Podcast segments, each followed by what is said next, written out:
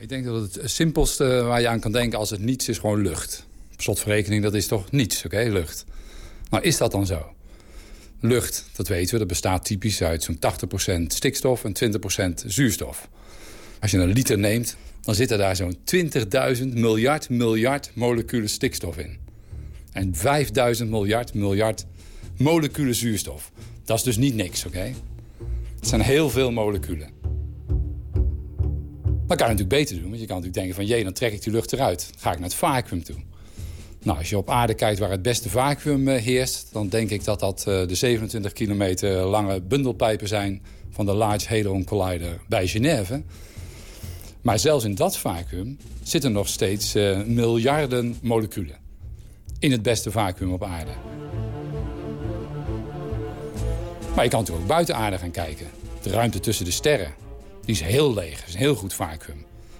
Toch, ook daar vind je nog steeds enkele waterstofmoleculen per kubieke meter. Is weinig, maar is niet niets. Oké? Nou, als je nog een stapje verder wil gaan, dan zeg je... oké, dan veeg ik ook die laatste waterstofmoleculen weg...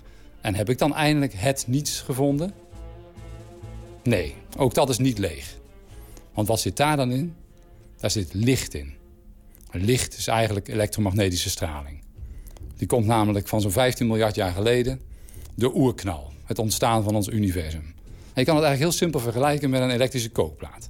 Zet die aan en je houdt je hand erop. Dat is auw. Dat is heet. Zet hem uit en je houdt de hand erop. Dat is nog steeds. Dat is nog steeds heet. Maar wacht vijf minuten is die wat minder heet. En als je een uur wacht, is die afgekoeld. Nou, zo werkt het ook met die oerknal. 15 miljard jaar geleden was het ontzettend heet.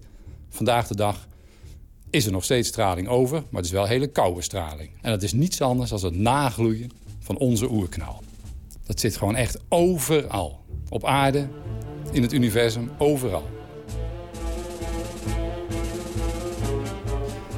En eigenlijk zit er nog veel meer in dit niets. Mijn vakgebied, dat is de elementaire deeltjesfysica. Daar werk ik altijd met hele kleine deeltjes. Dus ik heb heel veel met kwantummechanica te maken. Die deeltjes gaan ook altijd heel hard. Denk aan die grote versneller bij Genève, de Large Hadron Collider. Daar knallen we deeltjes met vrijwel de lichtsnelheid op elkaar. Daar heb ik dus ook te maken met relativiteitstheorie.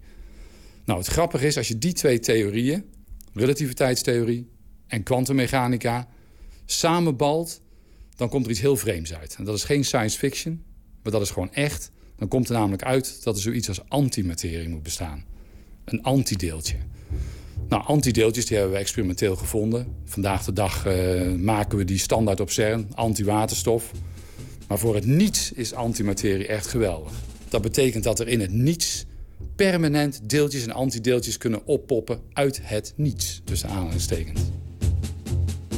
In de kwantummechanica kan je heel kort even de wet van behoud van energie schenden... als je dat maar heel kort doet. En dat kan dan. Je kan even kort een deeltje antideeltje maken...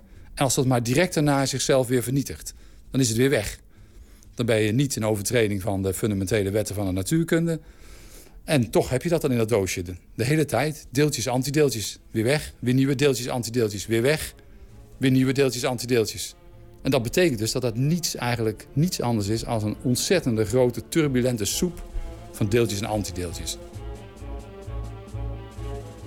Nou, je kan je natuurlijk afvragen, is dit nou het laatste woord over het niets? En ook daar, uh, nee, dit is niet het laatste woord. Want in de moderne natuurkunde hebben we nog een hele serie problemen. Eentje is er bijvoorbeeld waarom onze deeltjes massa hebben. Nou, daar hebben we een antwoord voor.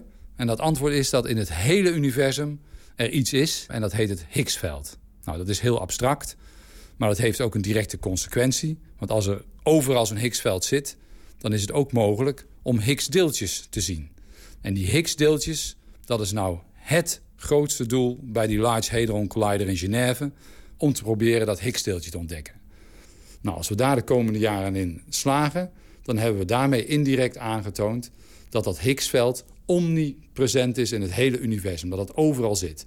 Nou, en daarmee is het niets wel ontzettend mooi geworden. Want er zit er dus dat nagloeien in van die oerknal 15 miljard geleden. Er zit die permanente soep in van deeltjes en antideeltjes. En bovendien zit daar een Higgsveld in de hele tijd. Nou, dan kan je afvragen, is dat dan echt helemaal het niets? En ook daar is nog steeds het antwoord op nee. Want er is nog iets anders heel moois in ons universum. Dat weten we trouwens zeker vanuit de sterrenkunde. Dat is dat er naast die gewone materie, die iedereen om zich heen kan zien... die tafels en die stoelen en je computer... iets heel mysterieus moest bestaan. En dat noemen we dan maar met een mooie naam donkere materie. Nou, het is wel heel simpel om te zien waarom het er moet zijn. Neem bijvoorbeeld het voorbeeld eh, de aarde, die draait om de zon. En dat doet hij in één jaar tijd. En waarom doet hij dat in één jaar tijd? Dat doet hij omdat hij zo'n 150 kilometer van de zon afstaat... en omdat de zon een bepaalde massa heeft en de aarde. En als je dan de wetten van Newton neemt en je rekent het uit... dan komt er één jaar uit. Nou, sterrenkundigen kunnen datzelfde spelletje herhalen... door naar een sterrenstelsel te kijken. Ze kijken naar een sterrenstelsel en wat blijkt er dan? Dat het helemaal niet klopt met de berekening volgens de wetten van Newton.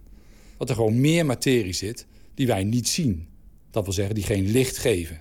En dan kan je vervolgens ook uitrekenen hoeveel van die donkere materie er moet zijn. Want je weet per slotverrekening hoeveel je erbij moet zetten... zodanig dat de wet van Newton weer klopt. En als je dat dan doet, dan blijkt dat de gewone materie in ons universum... slechts zo'n 4% is van het totaal. En die andere 96% die kennen wij niet. Dit zit allemaal natuurlijk in dat niets, die donkere materie. Dat is trouwens maar een deel van die 96%. Dat is maar zo'n 23%. En de rest, zo'n 70%, is donkere energie.